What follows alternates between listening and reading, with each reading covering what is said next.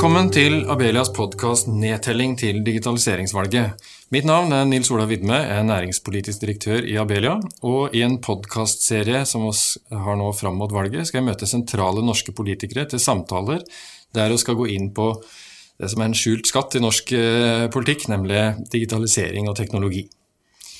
Eh, I Abelia er jeg også opptatt av digitalisering og teknologi, både som drivkraft for den økonomiske utviklingen, og ser jo at både jobber fjernes og jobber skapes, hjemmene våre endres, livene våre påvirkes av teknologi og digitalisering. Eh, men det vi kanskje er mest opptatt av i denne, denne podkastserien, det er å se på hvordan teknologien bidrar til å løse samfunnsproblemer. Og de er jo nok av, som vi er kjent med. Klimakrise, eldrebølge, kompetansegap, fallende oljeinntekter. Eh, og med meg til å diskutere disse tingene i denne episoden er SVs nestleder og stortingsrepresentant Torgeir Knag Fylkesnes. Eh, velkommen hit. Tusen takk, hyggelig å komme. Og hyggelig at du ville komme.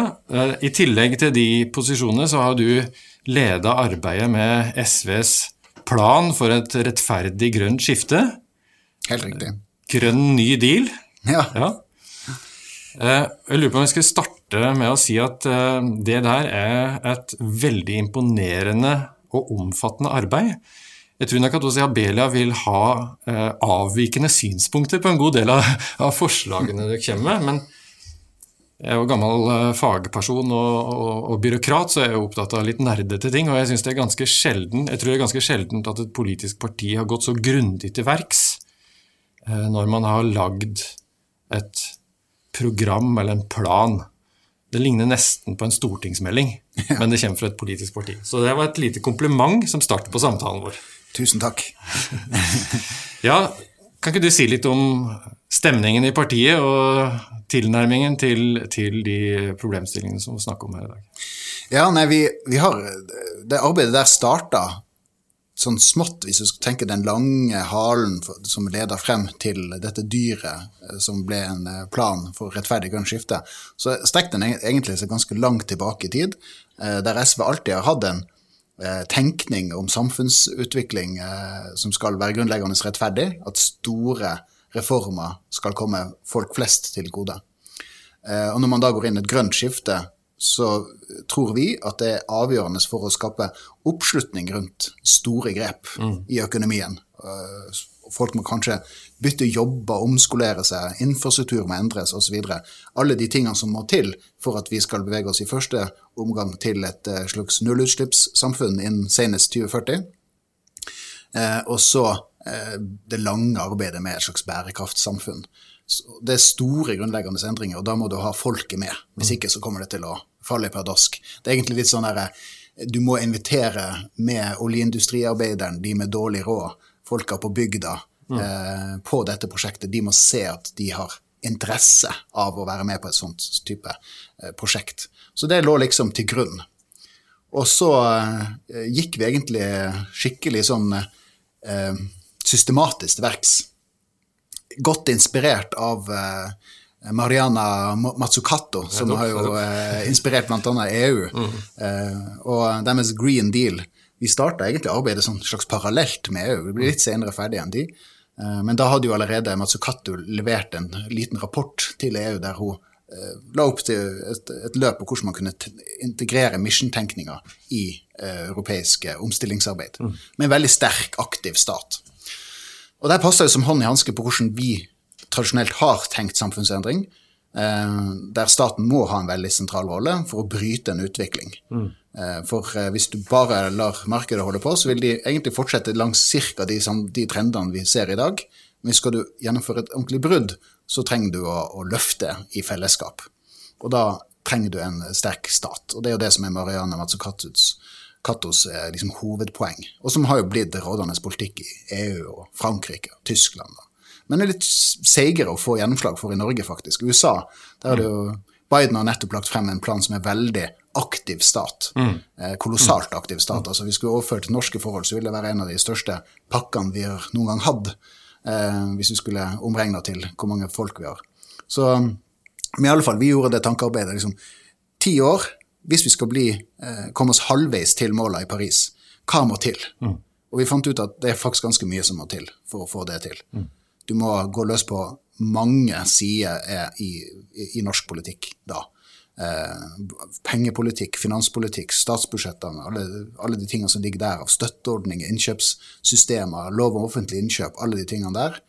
I tillegg til lover, regler, insentiver, eh, investeringslysten til staten, både gjennom bank og garantier, men også direkte investering, tålmodig kapital, i en fase der du ikke vil tjene noe umiddelbart ved neste bunnlinje, mm. og kanskje ikke etter den, osv. Og så, så det ble etter hvert et ganske svært prosjekt, der vi samtidig også ivaretok eh, hensynet til folk. At ikke det her skulle bli en forskjellsdriver. For da tror vi oppslutninga rundt et sånt prosjekt vil forvitre. Mm. Så jeg tror alle som jobber med grønt skifte, må, må, også tenke faktisk sosialt. Hvordan ha en god sosial fordeling. Det der syns jeg er et veldig interessant perspektiv, dette som du starta med å avslutte med nå. At man får ikke noe grønt skifte eller en stor omveltning uten å ha befolkningen med seg. Det er jo helt åpenbart. Uh, men er det ikke da et dilemma for et radikalt parti uh, at desto mer radikal man blir, desto vanskeligere er det å få alle med. Eh, du vil selvfølgelig få med de radikale, men, men hva med de konservative? Eh, du er ikke redd for at du går for fort fram? Ja, det der kommer til å bli stort, eh, en stor utfordring. Jeg tror nok det er ganske god, godt eh, Altså for de som bare vil stille seg imot mm. endringer, de mm. som vil si stopp, vent en halv, de som ikke har en plan for det store skiftet, de vil nok få betydelig oppslutning i tida som kommer. for det vil det vil være behov for ganske store endringer, mye større endringer enn det vi er vant til. Eh, hele vår generasjon, hele forrige generasjon. Vi må liksom tilbake til etterkrigstida for å finne tilsvarende store endringer i samfunnet som er nødvendig. Og det vil, det vil nok eh, føre til ganske mye motstand. Mm. Så dermed blir det ekstra viktig at du samtidig har et, eh, at det er en plan som sørger for at de som kanskje føler at klimatiltak utfordrer dem og deres liv. De som jobber i olja. Hvordan skal du lage en plan som gjør at de er trygge på at den kompetansen de har, blir ført videre i nye grønne industrier og prosjekter? Mm. Eh, de som har dårlig råd, at ikke de gjennom klimatiltak bare hører økte avgifter, mm. men at de får en pakke som gjør at de faktisk får bedre forhold enn det de hadde før det grønne skiftet. Er det folk som bor på bygda? Vi jobber mye med å snu det litt opp ned, eh, den distriktsdiskusjonen. For um, enkelte partier tar jo veldig til orde for at man skal lage unntak fra distriktene. Mm, at i mm. distriktene skal det ikke være skal slippe tiltak. Slippe tiltak. Ja. Eh, og, mm. og, og, distriktsnæringer, tradisjonelle distriktsnæringer som fiskeri og landbruk, der skal man den skal få lov til å slippe ut likevel. Ja. Andre deler av samfunnet må ta ansvaret. Og dermed så eh, gjør du egentlig noe som er veldig farlig for distriktene, der du, der du kobler dem av det grønne skiftet og, eh, og skape en sånn slags museumstilstand. Du sementerer dem i gammel teknologi eh, og lager en slags sånn derre eh, nesten litt sånn Amish-aktig tilstand, for å sette det helt på spissen. Og det er veldig, som, som en mann som kommer fra Nord-Norge, så er jeg jo livredd for den, at den politikken får fotfeste og oppslutning i distriktene. Vi prøver å mobilisere for det motsatte, og gjøre distriktene til et sentrum for mm. det grønne skiftet. For det at når det kommer til stykket, så er jo de biologiske ressursene eh, para med ny teknologi, mm. som kommer til å bli liksom nøkkelen på lang sikt. Og vi har kjempestore biologiske ressurser i Norge, men de er spredt. Dermed så må befolkninga bo spredt for å ha en eh, bærekraftig høsting av det. Så vi prøvde heller å snu det helt opp ned og si at nei, nei, distriktene skal ikke kobles av det grønne skiftet, de skal settes i sentrum. av det grønne skiftet. Dette er også, altså, Fra Abelia har jo eh, sendt et lite kritisk, eh, en kritisk merknad til et et annet politisk parti om det samme. at eh, altså, det synes som man har lav et lavt ambisjonsnivå for Distrikts-Norge. Ja. Når man ser på de mulighetene som ny teknologi, både innenfor livsvitenskap, men også digitalisering, eh, og en næring som man skal kikke litt eh, nærmere på etterpå, romnæringen, mm. eh, gi for eh, bygging av arbeidsplasser. Det er veldig få av de arbeidsplassene stedbundne til Oslo eller Bergen eller Trondheim mulighetene ligger uh, over hele landet. Og, og, en aktiv næringspolitikk for å realisere det ville i mitt hode være en veldig god distriktspolitikk. Men, men, det er fint. Der er det kanskje et uenighetspunkt da, å diskutere i en framtidig rød-grønn regjering? Ja, virkelig. Mm. Um, ta fiskeri. Der har jo Senterpartiet tatt til orde for at de skal uh, ikke betale uh, CO2-avgift på, uh, på mm. drivstoff. at de skal unntas fra det. Men det som da skjer, er at du får en flåte som ikke blir nullutslipp. Og, eh, og det jo, for det første så betyr det jo at man ikke da får den omstillinga som gjør at vi får en verftsutbygging som blir stor på, på fiskebåter. Ja. Mm. Eh, men det som kanskje er enda verre, det er jo at du får en utvikling der land rundt omkring i verden går over til nullutslippsteknologi på, på fangst, mm. og det kommer til å påvirke prisen og inntektene til, til, eh, til den næringa der. Sånn at du kan gå egentlig fra punkt til punkt der eh, Senterpartiet mener at de skal liksom unntas, så vil man se at på sikt så vil det her føre til et forfall i disse næringene. Enten det er jordbruk eller det er fiskeri eller det er hva som helst. Og så har du da selvfølgelig dette med, dette med digital infrastruktur. Jeg tror jo at hvis du blir frakobla den teknologiske utviklinga, så blir du også frakobla samfunnsutviklinga mm. på sikt. Mm.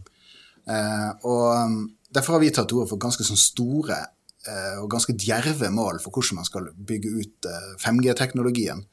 Eh, eh, for vi tror at det blir mm. Dette er jo også Abelia veldig veldig opptatt av, ja. og har nøyaktig samme tenkning. Altså, mm. Skal man utløse mulighetene i Distrikts-Norge, mm. skal man unngå for, for digital ekskludering, ja, så må grunnmuren, bokstavelig talt, den infrastrukturen, den må bygges og må bygges ut over hele Norge, og, og raskest mulig. Men det, det du, du, du, har jo en tilnærming til regulering og statens rolle som, som Ikke ukjent på venstresida, men som er ganske annerledes enn det man finner på høyresida i politikken. Og, og, og, i økonomimiljøet, der man veldig ofte snakker om fordelene ved en passiv tilretteleggende stat versus en stat som går inn og tar risiko, og, mm. og dermed også pådrar seg tap og gjør feil. Um, du nevner regulering uh, som et insentiv til å skape noe nytt, mens veldig mange ser på regulering som, et, som en kostnadsdriver. Mm. Ja. Uh, ja. ja. det her er jo, uh, det er jo en slags klassisk debatt i, i Norge. For eksempel når konsesjonspolitikken ble vedtatt på, på, gjennom disse hastelovene på tidlig 1900-tallet, mm. så var jo høyresida imot. Man mente at uh, man burde ha konsesjonssystem som sikra at, at, eh, at eh, vannfallene havna på norske hender. At det var en hjemfallsrett på det. De mente heller at liksom, dette her skal markedet ordne opp i. Eller for så vidt de ti oljebud etter krigen som bl.a. avstedkom Statoil og hele det regimet som veldig politisk bygde, helt sånn konkrete, Man pekte ut konkrete steder. Her skal det bygges industri. Mm. veldig sånn plan, mm. Mm. planlagt. Var også høyresida veldig kritisk til. Eh, fordi at eh, man har en grunnleggende idé om at eh, når staten blander seg inn, så blir det valg. Mm. Men jeg tror historien... Det har jo mange eksempler på at det har skjedd, da. Ja, ja, ja. Eh, det har man virkelig. Eh, og det, og bygge nok på en idé om at staten skal være perfekt og risikofri. Mm. Eh, husker Mongstad mm. og månelandinga, ikke sant. Jeg mener jo at problemet med Mongstad og månelandinga er selvfølgelig innretninga på prosjektet, men, men, var nok at man bare satsa på én månelanding. Man burde satse på flere. Mm. Staten må tørre å gå på mye større risiko i tida som kommer, hvis vi skal klare det. Mens i Norge så har vi utvikla en sånn idé om at staten skal være slags feilfri, skal ikke gå inn på risiko, det skal være privates rolle. Men så går vi inn nå i en sånn forandringstid, eh, der vår egen historie har vist at staten må ha en sentral rolle hvis hun skal klare de store sprangene. Eh, og der vi ser rundt omkring i hele verden at alle land jobber sånn. Enten det er Kina, mm. Kina til, til ekstreme, ja. eh, men også USA, som er jo en slags eh, markedsliberal høyborg fortsatt. Eh, Storbritannia, Frankrike, alle gjør dette her. Små, store land. Alle har en veldig aktiv stat i en om, omstillingsfase. Mens i Norge så har liksom det der har en sånn eh, man må nesten gå psykologisk til verks for å forstå hvorfor det ikke har eh, liksom blitt tak ordentlig, også på høyresida, den tenkninga der. Men på høyresida har man jo tatt i bruk den tenkningen innenfor enkeltområder. Man, jo, man er jo med på hydrogensatsing, Uh, Batteriinitiativene. Uh, ikke batteri. Batteri har man jo stilt seg litt på sida. Ja, men, men mange er jo uh, I næringslivet, da. Ja. Hvis du inkluderer næringslivet i høyresida, det burde man kanskje ikke gjøre. Men, og, og, og, og, denne liksom hangen til passiv, passiv men tilretteleggende stat. Mm. man ser jo ikke den f.eks. innenfor havbruk. Tvert imot, der har man jo vært svært uh, langt framme med innovasjonsfremmende regulering. Ja. Så det er litt sånn Ja, på et ideologisk og generelt nivå mm. så er det et skille mellom høyresida og venstresida. I konkret politikk litt mindre tydelig. Men jeg, jeg tenkte jeg skulle nevne, eller gå inn på et eksempel som jeg vet at du har jobba en del med, som også er opptatt av Iabelia, nemlig Andøya Space og denne satellitt rakettoppskytningsinfrastrukturen eh, eh, som, som, skal bygges i, på Andøya.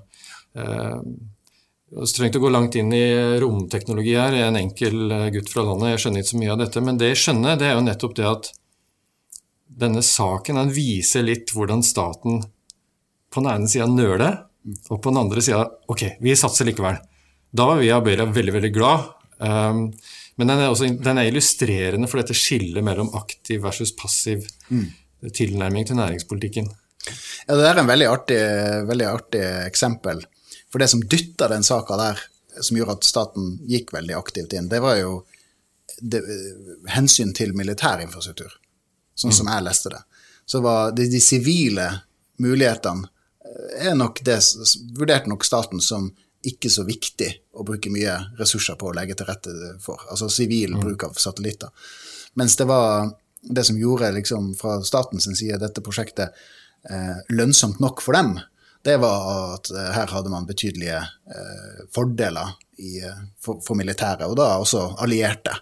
Eh, Nato, USA osv., som hadde også interesse av å få en infrastruktur for mm. satellitter. Mm. I militæret så snakker man jo om, om, om, satellites and drones. altså at Det er liksom fremtida til, eh, til, luft, eh, og som en grunnleggende infrastruktur. Så eh, vi, vi, var jo kritisk til at man skulle lage sånne hybridsatellitter, legge til rette for det, der det både skulle være militærutstyr om bord og digital, for da har du på en måte lagd eh, legitime mål i, i, konflikter eller i opptrapping mot konflikter. Eh, og vi var villige til å investere i dette her ut ifra et sivilt perspektiv. Mm. En ting er liksom sikkerhet til sjøs og alt det der, men at Norge skal ta en del i den enorme utviklinga som nå skjer på småsatellittfeltet, eh, som kan få enorme positive konsekvenser for eh, den videre digitaliseringa eh, i hele verden, mm. men der Norge kan være landet som har jordobservasjon som en spisskompetanse, som utgangspunkt for knoppskyting på mange ulike typer næringsgrener.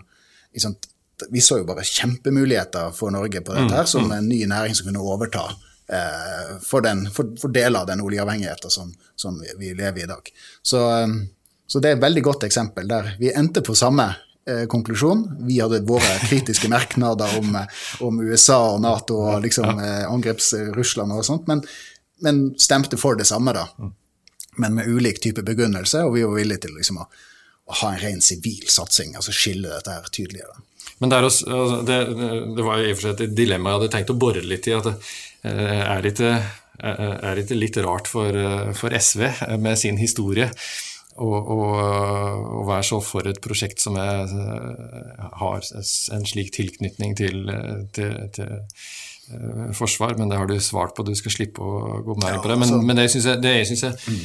er interessant med dette, er nettopp denne, som også Abelia også har fastholdt hele tida, at ja, når man gjør dette, så gir det noen muligheter.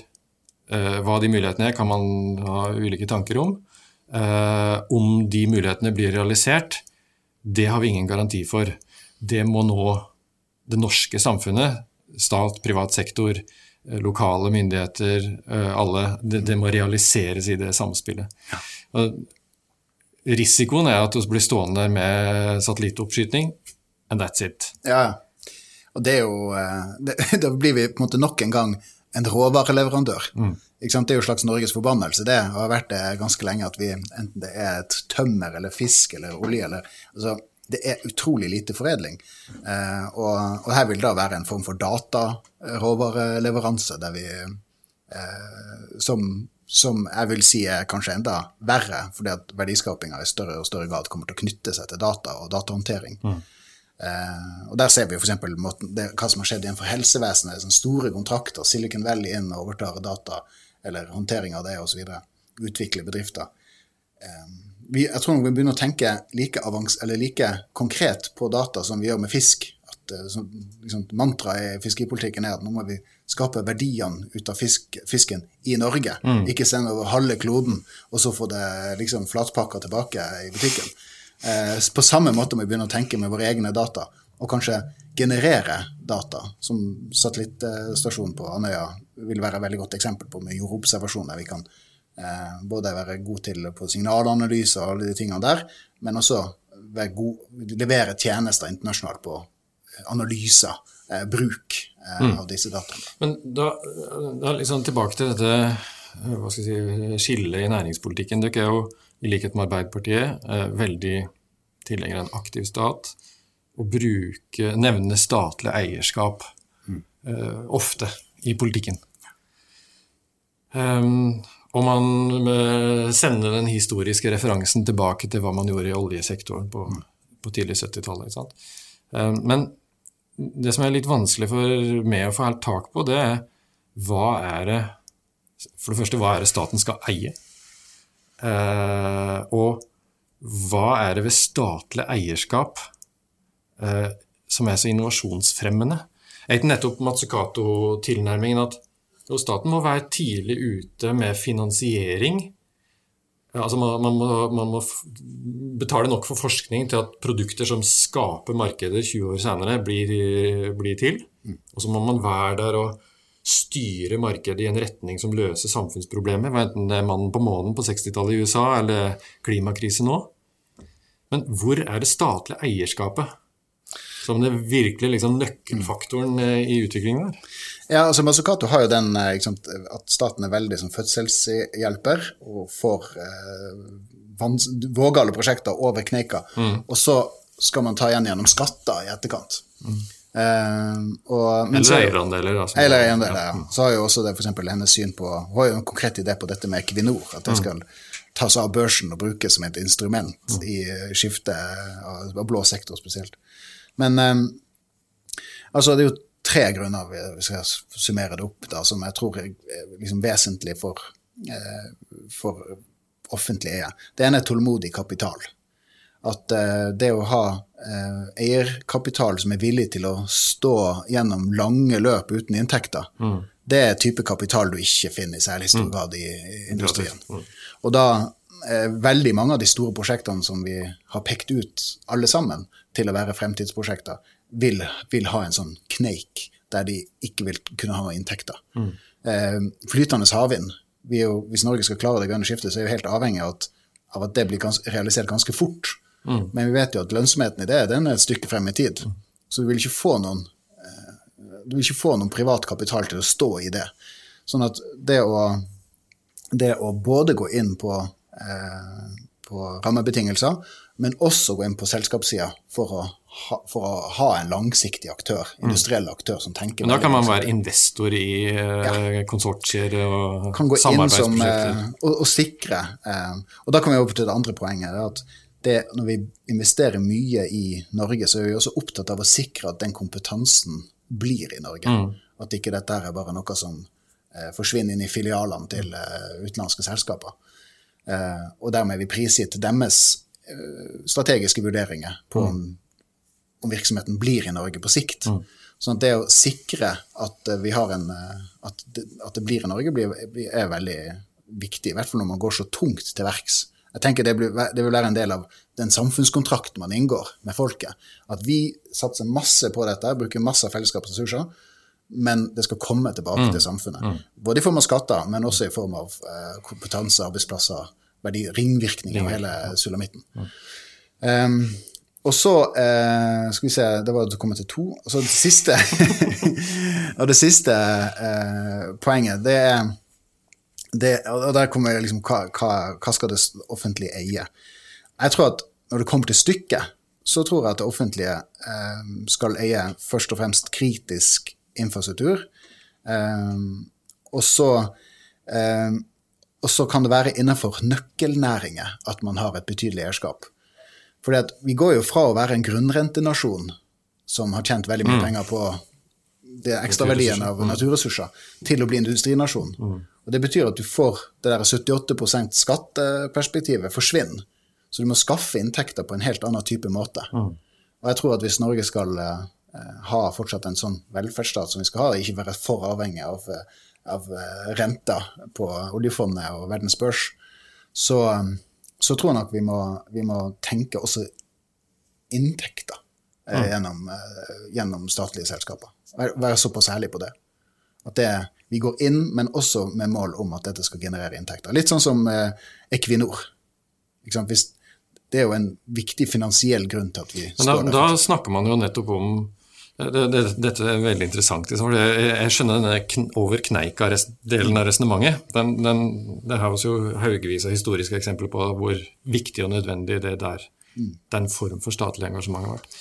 Men, men, eh, når man går over i den hva skal jeg si, eh, ekstraksjonsfasen, da, da en kommersielt lønnsom virksomhet er etablert, da er jo begrunnelsene for statlig eierskap helt noe annet. Mm. Eh, og, og vi har jo den form for statlig eierskap du snakker om i dag. altså Equinor er jo et eksempel på det. Man, uh, man eier et selskap, man kunne i teorien solgt det og brukt penger på noe annet. Mm. Men det er, en, det er, en, eiendel for staten, og det er en inntektsstrøm for det norske samfunnet.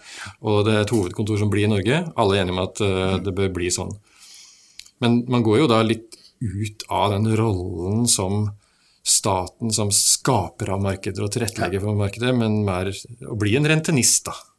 Ja, altså, Særlig med det passive eierskapet som er tradisjon for i Norge, så blir man litt rentenist. Også når man eier Statoil, mm. og i særdeleshet når man eier et oljefond, selvfølgelig. Mm. Ja, men jeg tror nok et innslag av det Uh, må, det må, det også være. Men jeg tror at når man er kommet over en kneik, og, uh, og det er gode rammebetingelser som også sørger for at eh, feltet kan utvikle seg, og at fellesskapet får penger tilbake, og alt det der, så, så, så er jeg faktisk tilhenger av å dempe det, det, statlige eierskapet. Det er ikke et mål i seg sjøl at, eh, at, staten skal eie eh, pizzasjappe, for å sette det helt på spissen. Eh, men jeg tror at det å stå over lengre tid, sikre at kompetansen blir i Norge på nøkkelting som vi mm. peker på som viktige for å videreutvikle oss videre, det, det er liksom kjerna i det. Dette er veldig veldig interessant. Tida går fra oss her. Jeg hadde lyst til å komme inn på ett tema mot avslutning. og Da er jeg tilbake til det grønne skiftet, som du jo har eh, Som du er veldig opptatt av. Og eh, min påstand er jo litt enkelt sagt at det grønne skiftet skjer. Vi står midt i det. Det er ikke ferdig ennå. Altså, men veldig mange av de endringstrekkene som du peker på i programmet som du har eh, ledet arbeidet med, er i ferd med å skje. Og når de skjer, så skjer de pga. politiske vedtak i EU. Du nevnte til og med at, at EU og SV eh, gjorde noe veldig likt. Man lagde hvert sitt grønne deal-program. Forskjellen er at EU lager det programmet og vedtar det, og det blir norsk politikk. Mm. Um, SV sitt program blir også norsk politikk hvis du kommer i regjering. Men er det ikke sånn at det stort sett er EU som gjennomfører disse tingene? Det er de som sørger for at kapitalmarkedene snur. Det er de som lager de regulatoriske rammevilkårene for å få en mer sirkulær økonomi. Hvorfor vil ikke SV at Norge skal bli fullt medlem i EU? Ja, altså, jeg syns USA gjør også veldig mye spennende, men jeg har ikke lyst til at Norge skal melde seg inn i USA eller Sverige eller Danmark. Eh, så jeg syns jo det som skjer i EU nå, er dødsinteressant. Mm. Um, og jeg, Sett fra vårt, vår plan for rettferdig grønt skifte, så er jo kanskje hvis det hadde vært norsk politikk, så ville vi kanskje sagt at EU kanskje ikke legger nok, altså nok trøkk i det. Men det som er veldig spennende med EU, det er at de faktisk har klart å skape politisk eh, flertall for en utrolig djerv mm. strategi. Mm. Mm. Eh, at de har kommet så langt som de har gjort. Eh, så 40% av deres krisepakker på korona Mm. går til grønt skifte. Ikke sant? Det er, det er, sånn, Det er må, det er altså. sånn man må tenke. Eh, og det samme ser vi i, i land som, eh, som Tyskland eh, og Frankrike, samme nivået. Mm.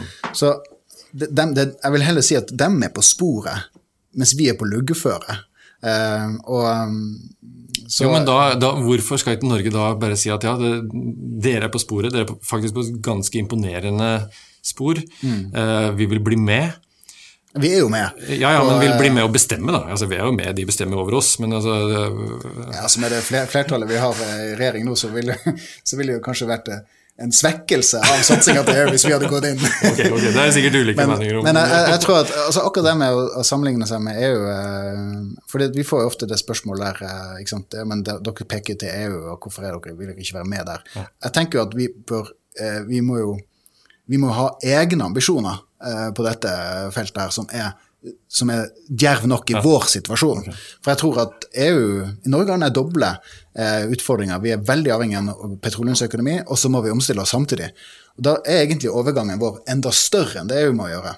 Eh, men så vi må jo gjøre det på en sånn måte at vi ikke riv, eh, brenner våre hus og hoteller i prosessen. altså at vi ødelegger masse arbeidsplasser. Vi må gjøre det raskt, men smart, sånn at du drar med deg den kompetansen som skal flytte over. Ja.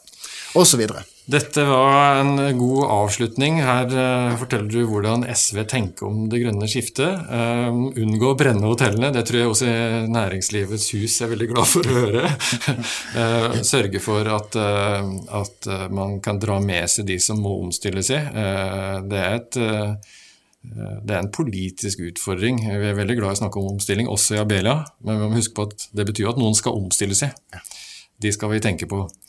Men eh, jeg har lyst til å takke for samtalen med det, eh, Torgeir, og ønske lykke til med både eh, den politiske våren og valgkampen. Og eh, håper at eh, vi kan diskutere disse tingene igjen eh, utover, eh, hva enten det blir regjeringsmakt eller eh, opposisjonstilværelse på SV framover. Ja, tusen takk, og veldig hyggelig å komme.